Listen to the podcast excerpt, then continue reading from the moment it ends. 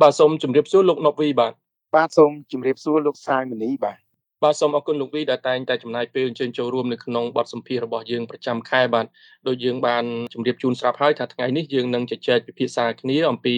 សហប្រតិបត្តិការរបស់ប្រព័ន្ធផ្សព្វផ្សាយសាធារណៈក្នុងពេលដែលមានការរដ្ឋបិទខ្លឹមសារឬក៏ការត្រួតពិនិត្យពីខ្លឹមសារកើនឡើងនៅទូទាំងពិភពលោកបាទរួមទាំងនៅក្នុងតំបន់អាស៊ីនៅក្នុងប្រទេសមួយចំនួននៅក្នុងតំបន់អាស៊ីផងលោកវីលោកអាចបញ្យល់លោកអ្នកស្ដាប់យើងបន្តិចបានទេបាទថាតើ វាមានសារៈសំខាន់យ៉ាងម៉េចបាទសម្រាប់ប្រព័ន្ធផ្សព្វផ្សាយសាធារណៈក្នុងការប្រមូលកម្លាំងគ្នាក្នុងការសហការគ្នាដើម្បីឆ្លើយតបទៅនឹងការរដ្ឋបិទខ្លឹមសារបាទដែលធ្វើឡើងដោយតួអង្គរដ្ឋាភិបាលផងហើយថ្មីថ្មីនេះរួមទាំងក្រុមហ៊ុនប្រព័ន្ធផ្សព្វផ្សាយសង្គមដែលមានឥទ្ធិពលបច្ចុប្បន្ននឹងផងនោះបាទបាទជាការពិតហើយលោកសាយមនីនៅក្នុង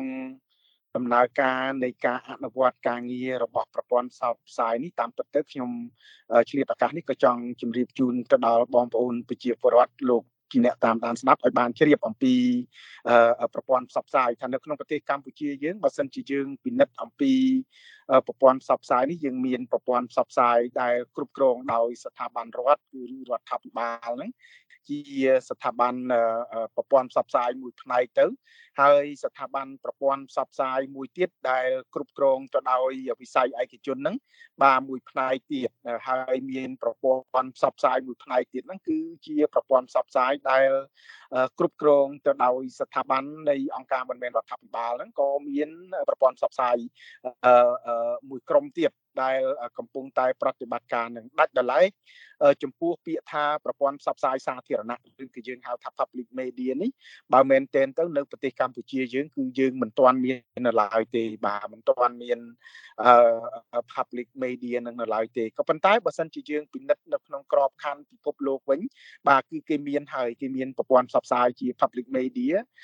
ជាប្រព័ន្ធផ្សព្វផ្សាយសាធារណៈមានហើយហើយនៅបណ្ដាប្រទេសនៅក្នុងតំបន់អាស៊ានយើងនេះដូចជានៅថៃហ្នឹងក៏គេមានដែរគេមាន public broadcasting media ហ្នឹងបាទគឺនៅប្រទេសថៃក៏គេមានដែរហើយខ្ញុំចង់សង្កត់ធ្ងន់ថាអញ្ចេះថាដើម្បីឲ្យបងប្អូនលោកពិនិត្យក៏ដូចជាលោកមានការយល់ដឹងឲ្យការ តើប្រព័ន្ធផ្សព្វផ្សាយប្រភេទណាទៅដែលយើងហៅថា public media ហ្នឹងហើយវាមានគុណសម្បត្តិវាមានសារៈប្រយោជន៍អីនៅក្នុងការបម្រើផលប្រយោជន៍សាធារណៈជាការពិតបើសិនជាយើងនិយាយអំពីរឿងប្រព័ន្ធផ្សព្វផ្សាយសាធារណៈគឺជាប្រព័ន្ធផ្សព្វផ្សាយមួយដែលបម្រើផលប្រយោជន៍សាធារណៈហើយ បំរើផលប្រយោជន៍សាធារណៈនឹងទៀតសោតគឺប្រព័ន្ធផ្សព្វផ្សាយនឹងគឺជាប្រព័ន្ធផ្សព្វផ្សាយដែលក៏ទទួលបាននៅការគ្រប់គ្រងឬមួយក៏ទទួលបាននៅដំណើរការប្រតិបត្តិការនៃប្រព័ន្ធផ្សព្វផ្សាយនឹងដោយយោងទៅលើការគ្រប់គ្រងឬមួយក៏ធនធានពីសាធារណជនពីប្រជាពលរដ្ឋដែរហើយការគ្រប់គ្រងឬក៏ទទួលបានការគ្រប់គ្រងពីសាធារណជនឬក៏ប្រជាពលរដ្ឋនឹងជាការពិតបើសិនជាយើងពិនិត្យចំណុចនេះគឺមានន័យថាប្រជាពលរដ្ឋរដ្ឋគាត់បង់ពុនអញ្ចឹងមានន័យថារដ្ឋាភិបាលគាត់អាចនឹងបង្កើតឲ្យមានធនធានស្វ័យយ័តណាមួយដែលឯករាជ្យដែលសភាលោកអាចសម្រេចដើម្បីយើងយកមកគ្រប់គ្រងដល់ប្រព័ន្ធផ្សព្វផ្សាយសាធារណៈហ្នឹងដើម្បីឲ្យប្រព័ន្ធផ្សព្វផ្សាយហ្នឹងគឺមានអំណាចនៅក្នុងការធ្វើកិច្ចការងារក្នុងការបំពេញតួនាទីរបស់ខ្លួនក្នុងការផលិតនៅខ្លឹមសារព័ត៌មានឬមួយក៏ខ្លឹមសារកម្មវិធីផ្សេងផ្សេងទៀតដើម្បីបំរើតែផលប្រយោជន៍ដល់សាធារណជនទូទៅមិនមែនបំរើផលប្រយោជន៍ដល់ក្រមការងារឬមួយក៏អង្គការមិនមែនរដ្ឋាភិបាលទេក៏មិនមែនបំរើផលប្រយោជន៍ទៅដល់ផ្នែកឯកជនដែរហើយក៏មិនមែនបំរើផល ប្រយោជន៍ទៅដល់ស្ថាប័នរដ្ឋឬក៏តួអង្គរដ្ឋដែរគឺបំរើផលប្រយោជន៍ទៅដល់សាធារណជនទូទៅហើយប្រព័ន្ធផ្សព្វផ្សាយបែបអញ្ចឹងគេអត់សូវខ្វាយខ្វល់រឿងតាក់ទងជាមួយនឹងការគៀងគោប្រម៉ែប្រមូលធនធានការផ្សព្វផ្សាយពាណិជ្ជកម្មដើម្បីធ្វើម៉េចឲ្យប្រព័ន្ធផ្សព្វផ្សាយនឹងអាចរស់បានទេដោយសារថែតអីដោយសារតែធនធានដើម្បីយកមកប្រតិបត្តិការហ្នឹងគឺមានបណ្ដាប្រទេសខ្លះហ្នឹងគឺសភាគេបានសម្រេចជាធនធានថវិកានឹងស្វ័យយ័តរួចទៅហើយដើម្បីឲ្យដំណើរការនៃប្រព័ន្ធផ្សព្វផ្សាយសាធារណៈហ្នឹងគឺអាចមានដំណើរការទៅបាន ហើយចំណុចនេះហើយគឺចំណុចដែលខ្ញុំលើកឡើងថាជាការពិតគឺវាមានផលប្រយោជន៍ខ្លាំងណាស់សម្រាប់សាធារណជនទូទៅពីព្រោះហេតុអីដោយសារតែយើងមើល អំពីរឿងការកម្រិតនៅការអនុវត្តសមត្ថភាពការងាររបស់ប្រព័ន្ធផ្សព្វផ្សាយយើងក្នុងពេលបច្ចុប្បន្នទី1បើប្រព័ន្ធផ្សព្វផ្សាយដែលយកធនធានរដ្ឋយក មកដំណើរការប្រព័ន្ធផ្សព្វផ្សាយហ្នឹងគឺអត់ហ៊ានផ្សព្វផ្សាយអ្វីមួយដែលធ្វើឲ្យប៉ះពាល់ទៅដល់ទូអង្គស្ថាប័នរដ្ឋទេបើប្រព័ន្ធផ្សព្វផ្សាយដែលយកធនធានក្រុមហ៊ុនឯកជនយកមកដំណើរការយើងដឹងហើយថាក្រុមហ៊ុនឯកជនមួយចំនួននៅក្នុងប្រទេសកម្ពុជាយើងហ្នឹងគឺថាជាក្រុមហ៊ុនរបស់មន្ត្រីឬមួយក្រុមហ៊ុនខ្លះទៀតហ្នឹងរបស់អុកញ៉ាហើយអុកញ៉ាហ្នឹងគឺថាមួយចំនួនហ្នឹងក៏បានធ្វើឲ្យមានផលប៉ះពាល់ទៅដល់សហគមន៍ទៅដល់ប្រជាពលរដ្ឋនៅមូលដ្ឋានដែរអញ្ចឹងប្រព័ន្ធផ្សព្វផ្សាយរបៀបអញ្ចឹងគឺថាមិនហ៊ានផ្សព្វផ្សាយនៅខ្លឹមសារព័ត៌មានណាដែលប៉ះពាល់ទៅដល់ដំណើរការប្រតិបត្តិការរបស់ក្រុមហ៊ុនរបស់ផងខ្លួនទេហើយមួយវិញទៀតបើសិនជាប្រព័ន្ធផ្សព្វផ្សាយឯកជនក៏ប៉ុន្តែគាត់ទទួលបាននៅធនធាននៃការផ្សព្វផ្សាយពាណិជ្ជកម្មពីក្រុមហ៊ុនឯកជន ហើយអញ្ចឹងនៅពេលដែលក្រុមហ៊ុនឯកជនហ្នឹងគាត់ធ្វើសកម្មភាពមានផលប៉ះពាល់អីទៅដល់សុខភាពរបស់ប្រជាពលរដ្ឋដោយឧទាហរណ៍ការក្រុមហ៊ុនផ្សព្វផ្សាយស្រាបៀរក្រុមហ៊ុនផ្សព្វផ្សាយបារីឬមួយក៏ក្រុមហ៊ុនផ្សព្វផ្សាយនៅដែលផលិតផលផ្សេងផ្សេងទៀតដែលប៉ះពាល់ទៅដល់សុខភាពរបស់ប្រជាពលរដ្ឋ ហ្នឹងគឺថាគាត់អត់ហ៊ានផ្សព្វផ្សាយព័ត៌មានសរសេរព័ត៌មានដើម្បីរិះគន់ទៅដល់ក្រុមហ៊ុនទាំងអស់ហ្នឹងទេអញ្ចឹងទាំងអស់ហ្នឹងហើយគឺជាផលលំបាកហើយយើងឃើញហើយផលលំបាកហ្នឹងគឺវាកំពុងតែកើតមានឡើងនៅក្នុងប្រទេសកម្ពុជាយើងដោយសារតែប្រទេសកម្ពុជាយើងគឺថាយើងនៅខ្វះប្រព័ន្ធផ្សព្វផ្សាយដែលគាត់ ហ៊ានដែលគាត់មានសមត្ថភាពដែលគាត់មានធនធានឯករាជ្យធនធានគ្រប់គ្រាន់ដើម្បីធ្វើការផ្សព្វផ្សាយដើម្បីបម្រើផលប្រយោជន៍សាធារណៈនឹងនៅក្នុងប្រទេសកម្ពុជាយើងបច្ចុប្បន្នយើងមានតែប្រព័ន្ធផ្សព្វផ្សាយមួយចំនួនតូចដែលគ្រប់គ្រងធនធានថវិកាដោយមូលនិធិផ្សេងផ្សេងឬមួយក៏ដែល ប្រតិបត្តិការដោយអង្គការសង្គមស៊ីវិលនឹងទេហើយជានិច្ចកាលគឺយើងទទួលរងនៅការរិះគន់ឬមួយក៏ការរើសអើងពីសមត្ថកិច្ចពីមន្ត្រីរដ្ឋាភិបាលមួយចំនួនទៅទៀតបាទ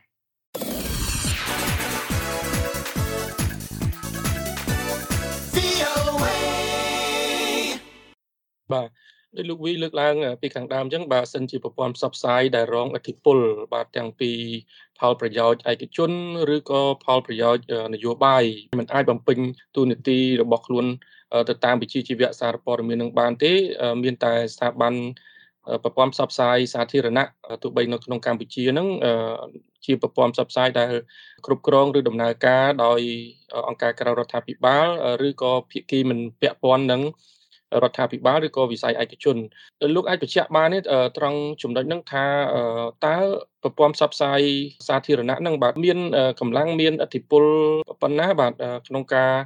ដែលបំពេញវិជ្ជាជីវៈរបស់ខ្លួនដោយត្រឹមត្រូវដោយឯករាជ្យនឹងនៅពេលដែលបច្ចុប្បន្ននេះបាទប្រព័ន្ធផ្សព្វផ្សាយរដ្ឋនិងប្រព័ន្ធផ្សព្វផ្សាយឯកជន បាទដែលមានលទ្ធភាពមានឥទ្ធិពលហើយចង់គ្រប់គ្រងខ្លឹមសារនៃព័ត៌មានបាទពលគឺព្យាយាមទប់ស្កាត់ ការរិះគន់ទៅលើខ្លួនទៅលើផលប្រយោជន៍របស់ខ្លួនហ្នឹងតើប្រព័ន្ធផ្សព្វផ្សាយសាធារណៈហ្នឹងអាចធ្វើយ៉ាងម៉េចបានបាទក្នុងការដោះស្រាយពីរឿងការរដ្ឋបិទនៃខ្លឹមសារព័ត៌មាននឹងលោកវីបាទអឺចំណុចដែលសំខាន់ដែលយើងអាចពិនិត្យមើលរួមគ្នាហ្នឹងគឺអំពីសមាជិកភាពនៃការគ្រប់គ្រង សមាជិកភាពនៃការគ្រប់គ្រងដូចខ្ញុំលើកឡើងយើងពិនិត្យទៅគឺថាយើងមើលឃើញអំពីភាពខុសគ្នាតែម្ដងពីព្រោះហេតុអីដោយសារតែរឿងសមាជិកភាពនៃការគ្រប់គ្រងនេះវាពាក់ព័ន្ធទៅដល់ដែលរចនាសម្ព័ន្ធនៃដំណើរការផ្សព្វផ្សាយរបស់ស្ថាប័នប្រព័ន្ធផ្សព្វផ្សាយនីមួយនីមួយហ្នឹងទាំងមូលប្រព័ន្ធផ្សព្វផ្សាយដែលគ្រប់គ្រងដោយរដ្ឋាភិបាលអ្នកគ្រប់គ្រងហ្នឹងគឺជាការពិតគឺរដ្ឋាភិបាលតែម្ដងដូច្នេះហើយយើងសម័យមើលថារចនាសម្ព័ន្ធគ្រប់គ្រងដោយមន្ត្រីរដ្ឋាភិបាលធ្វើម៉េចដើម្បីគាត់អាចទៅផ្សព្វផ្សាយព័ត៌មានផ្សេងផ្សេងដែលបម្រើផលប្រយោជន៍ទៅដល់សាធារណជនទូទៅទាំងអស់ដោយមិនមានការរើសអើងបានពីព្រោះយើងដឹងរដ្ឋាភិបាលគឺជាស្ថាប័នដែលនៅក្នុងប្រទេសកម្ពុជាយើងនៅនៅមានគណៈបកនយោបាយ ផ្សេងផ្សេងអញ្ចឹងគណៈបកនយោបាយដែលឈ្នះឆ្នោតនឹងជានិច្ចកាលគឺថាប្រើប្រាស់អធិបុលប្រើប្រាស់ប្រព័ន្ធផ្សព្វផ្សាយនឹងដើម្បីបម្រើផលប្រយោជន៍រដ្ឋាភិបាលផងហើយអាចនិយាយថាដើម្បីបម្រើផលប្រយោជន៍របស់គណៈបកនយោបាយផងចំណុចទី1ចំណុចទី2ប្រព័ន្ធផ្សព្វផ្សាយដែលគ្រប់គ្រងទៅដោយក្រុមហ៊ុនឯកជនបាទក្រុមក្រុមហ៊ុនឯកជននេះយើងដឹងហើយ ថាគ្រប់គ្រងការគ្រប់គ្រងហ្នឹងគឺអ្នកដែលគ្រប់គ្រងហ្នឹងទោះបីជាមានមួយចំនួនហ្នឹងគឺជាអ្នកដែលមិនមែនជាមន្ត្រីរដ្ឋាភិបាលជាបុគ្គលស៊ីវិលសុទ្ធសាធក៏ដោយក៏ប៉ុន្តែបើសិនជាពិនិត្យអំពីរឿងអត្ថប្រយោជន៍ពិនិត្យអំពីរឿង ទួលនីតិរបស់មន្ត្រីរបស់បុគ្គលិកស៊ីវិលហ្នឹងជាការពិតគឺគេបំរើឲ្យផលប្រយោជន៍របស់ក្រុមហ៊ុនហើយបើសិនជាយើងពិនិត្យនៅត្រង់កត្តានេះនៅប្រទេសកម្ពុជាយើងបើសិននិយាយអំពីស្ថានីយ៍ទូរទស្សន៍គឺស្ថានីយ៍ទូរទស្សន៍ទាំងអស់ហ្នឹងគឺมันមានស្ថានីយ៍ទូរទស្សន៍ណាដែលនិយាយជារួមគឺថាឯករាជ្យគ្រប់គ្រាន់នៅក្នុងការបំពេញកិច្ចការងារទេជាស្ថានីយ៍ទូរទស្សន៍ក្រុមហ៊ុនឯកជនហើយក្រុមហ៊ុនមួយចំនួនធំហ្នឹងគឺថាមានពាក់ព័នជាមួយនឹងមន្ត្រីរដ្ឋាភិបាលអីទៅទៀតដូច្នេះរចនាសម្ព័ន្ធនៃការគ្រប់គ្រងទី1គឺมันអាចផ្សព្វផ្សាយនៅរាល់ព័ត៌មានណាដែលប៉ះពាល់ទៅដល់រដ្ឋាភិបាលទី1ទី2ទោះបីជារដ្ឋាភិបាលហ្នឹងគាត់ធ្វើសកម្មភាពដាក់ចេញនៅយុទ្ធយុទ្ធនាការយុទ្ធសាស្ត្រមួយចំនួនដែលប្រជាពលរដ្ឋមួយចំនួនតូចហ្នឹងគឺมันពេញចិត្តក្តីក៏ប៉ុន្តែប្រព័ន្ធផ្សព្វផ្សាយទាំងអស់ហ្នឹងគឺថាទូរទស្សន៍ទាំងអស់ហ្នឹងគឺมันអាចនឹងទៅសួរនាំទៅផ្សព្វផ្សាយអ្វីដែលជាការមិនពេញចិត្តរបស់ប្រជាពលរដ្ឋ ដ្ឋមួយចំនួនតូចហ្នឹងទេអញ្ចឹងកន្លែងហ្នឹងមានន័យថាសម្លេងរបស់អ្នកដែលមិនសូវមានសម្លេងហ្នឹងគឺមិនត្រូវបានឮទៅដល់រដ្ឋាភិបាលដដែលបើសិនជាយើងពិនិត្យមួយចំនួនទៀតឧទាហរណ៍ប្រព័ន្ធផ្សព្វផ្សាយដែលគ្រប់គ្រងដោយស្ថាប័នអង្គការមិនមែនរដ្ឋាភិបាលប្រជាពលរដ្ឋគាត់អាចប្រើប្រាស់បានច្រើនអញ្ចឹងបើនិយាយអំពីរឿងអតិពលប្រព័ន្ធផ្សព្វផ្សាយបែបហ្នឹងគឺមានន័យថាគាត់អាចនឹងត្រូវបានដោយ ត្រូវបានប្រើប្រាស់ដោយប្រជាពលរដ្ឋដែលរងគ្រោះនឹងភាគច្រើនប៉ុន្តែបើសិនជាយើងនិយាយអំពីរឿងប្រព័ន្ធផ្សព្វផ្សាយសាធារណៈមានន័យថាជាស្ថាប័នជាដែលមានរចនាសម្ព័ន្ធគ្រប់គ្រងនឹងដោយក្រុមប្រឹក្សាពិបាលមួយដែលសាធារណជនជាអ្នកជ្រើសរើសអញ្ចឹងគាត់មានភាពជាតំណាងគាត់មានភាពជាតំណាងទៅសាធារណជន កាលណាគាត់មានភាពជាតំណាងទៅសាធារណជន មានន័យថាគាត់ស្ដាប់តែសាធារណជននេះដូចសភាអញ្ចឹងបាទដូចសភាអញ្ចឹងប៉ុន្តែខ្ញុំខ្ញុំមិនមិននិយាយថាសភាប្រទេសយើងឬក៏សភាប្រទេសណាទេខ្ញុំនិយាយសភាដែលមានការបោះឆ្នោតមួយតាម គោលការណ៍សេរីត្រឹមត្រូវនិងយុត្តិធម៌កាលណាសភាមានន័យថាសមាជិកសភាដែលគាត់ទទួលបានការបោះឆ្នោតពី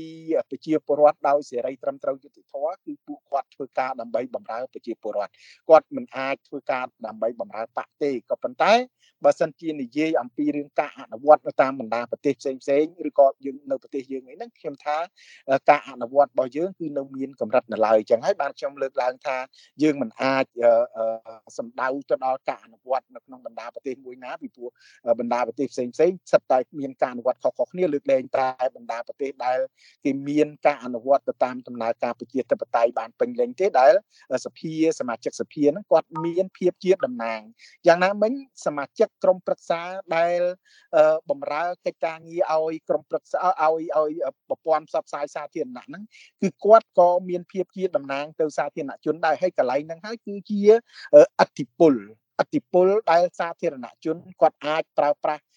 តំណាងរបស់គាត់នឹងដើម្បីប្រើប្រាស់ប្រព័ន្ធផ្សព្វផ្សាយនឹងប្រកបដោយអតិពលប្រកបដោយប្រសិទ្ធភាពនៅក្នុងការបម្រើនៅផលប្រយោជន៍របស់ពួកគាត់បាទដូចសមាជិកសភាត្រូវធ្វើកិច្ចការងារដើម្បីបម្រើផលប្រយោជន៍របស់ប្រជាពលរដ្ឋចឹង មិនមែនធ្វើកិច្ចការងារដើម្បីបម្រើផលប្រយោជន៍គណៈបកនយោបាយទេក៏ប៉ុន្តែបើសិនជាយើងនៅពិនិត្យមើលចំណុចនេះនៅក្នុងប្រព័ន្ធគណៈបកនយោបាយរបស់យើងនៅក្នុងប្រព័ន្ធសភាយើងក៏នៅមានចំណុចខ្សោយដែរដែលធ្វើឲ្យសមាជិកសភាមួយមួយហ្នឹងនៅពេលដែលបោះឆ្នោតហើយហ្នឹងអាចត្រូវបានដកចេញវិញដោយគណៈបកនយោបាយមិនអាចមិនមែនមកដកចេញដោយសារតែប្រជាពលរដ្ឋដែលខ្លួនឯងជាតំណាងនឹងបានអញ្ចឹងកន្លែងនេះខ្ញុំចង់បញ្ជាក់អំពីរឿងអតិពលនៃប្រព័ន្ធផ្សព្វផ្សាយសាធារណៈហ្នឹងគឺវាមានអតិពលនៅត្រង់ថាក្រុមប្រឹក្សាដែលជាតំណាងហ្នឹងគឺគាត់ត្រូវតែបម្រើទៅដល់ផលប្រយោជន៍សាធារណជនបាទសូមអរគុណលោកណូប៊ីបាទលោកអ្នកនាងពីនេះលោកអ្នកកំពុងតែស្ដាប់បាទកិច្ចសម្ភាររវាង VOA ជាមួយនឹងលោកណូប៊ីបាទយើងនិយាយគ្នាអំពីសហប្រតិបត្តិការនៃប្រព័ន្ធផ្សព្វផ្សាយសាធារណៈក្នុងពេលដែលមានការត្រួតពិនិត្យខ្លឹមសារការឡើងបាទ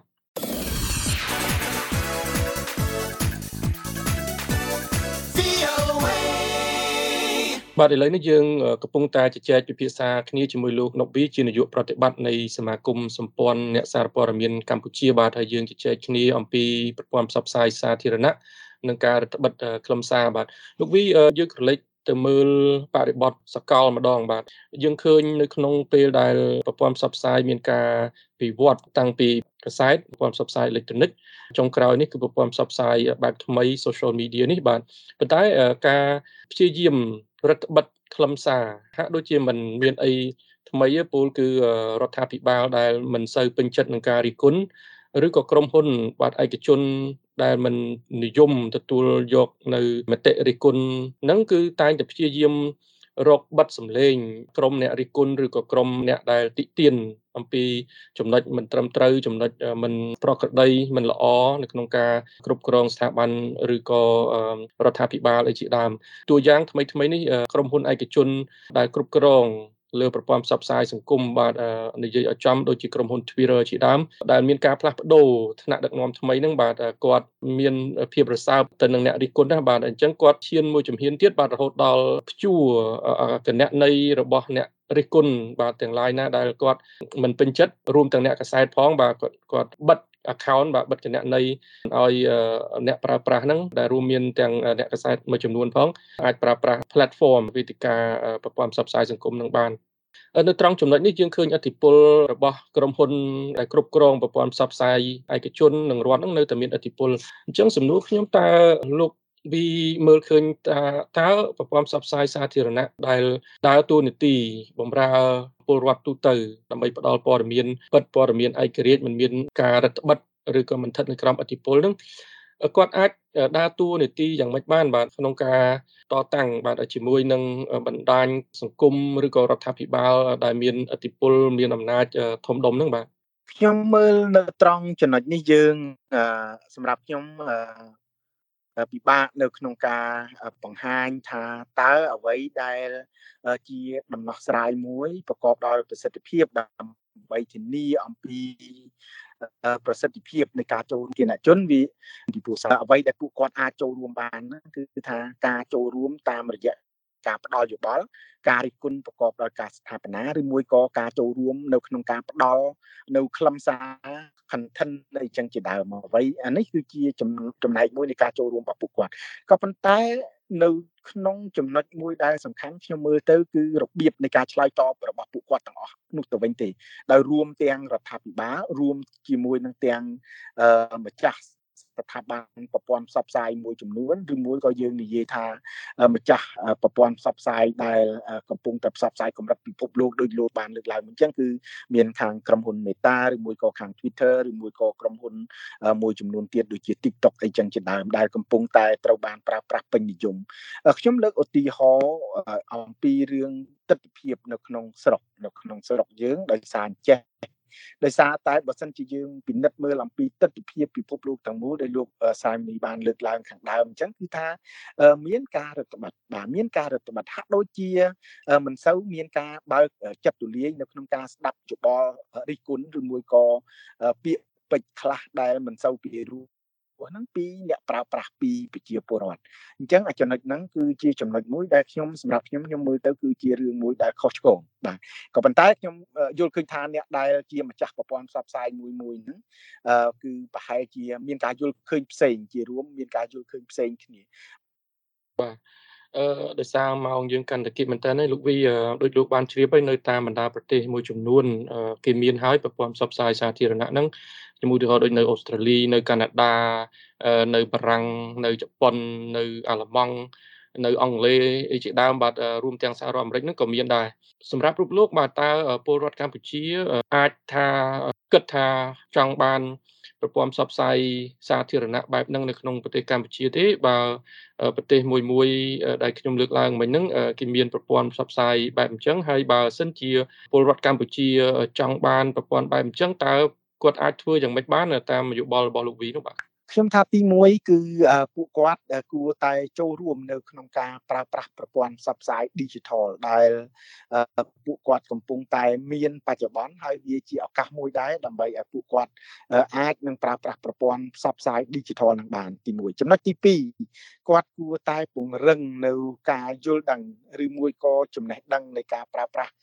ប្រព័ន្ធផ្សព្វផ្សាយ Digital ហ្នឹងចំណេះដឹងនៃការស្វែងយល់ថាអ្វីជាព័ត៌មាន បាទអ្វីជាប្រព័ន្ធផ្សព្វផ្សាយដែលមានទួនាទីបម្រើដល់សាធារណជនទូទៅគាត់គួរតែស្វែងយល់នៅចំណេះដឹងទាំងអស់ហ្នឹងដើម្បីឲ្យគាត់មានមូលដ្ឋានអំពីប្រព័ន្ធផ្សព្វផ្សាយមូលដ្ឋានអំពីព័ត៌មានហើយនិងមូលដ្ឋានអំពីរឿងចំណេះដឹងផ្នែក digital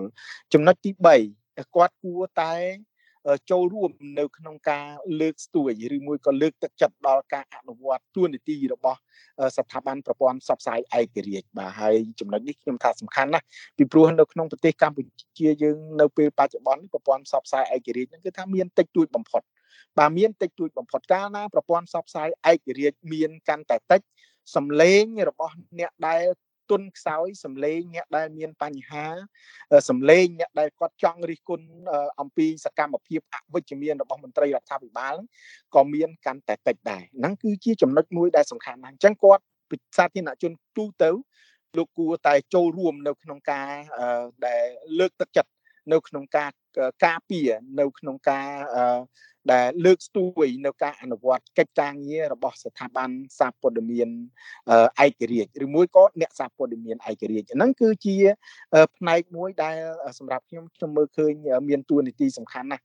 សម្រាប់សាធារណជនទូទៅបាទ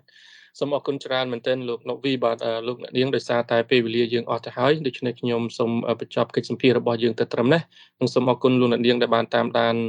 ស្ដាប់តាំងពីដើមរហូតមកបាទបើលោកអ្នកនាងខកខានឬក៏ចង់ស្ដាប់កិច្ចសម្ភារនេះឡើងវិញបាទសូមចូលទៅកាន់គេហទំព័ររបស់យើងខ្ញុំគឺ khmer.voanews.com ចុចលើពាក្យវិជាជីវៈសារព័ត៌មានសំខាន់បាទសម្រាប់ពេលនេះខ្ញុំសាយមនីសូមអរគុណលោកណូវីនិងលោកអ្នកនាងទៅត្រឹមនេះបាទសូមជម្រាបលាបាទបាទសូមអរគុណនិងសូមជម្រាបលាលោកសាយមនីបាទ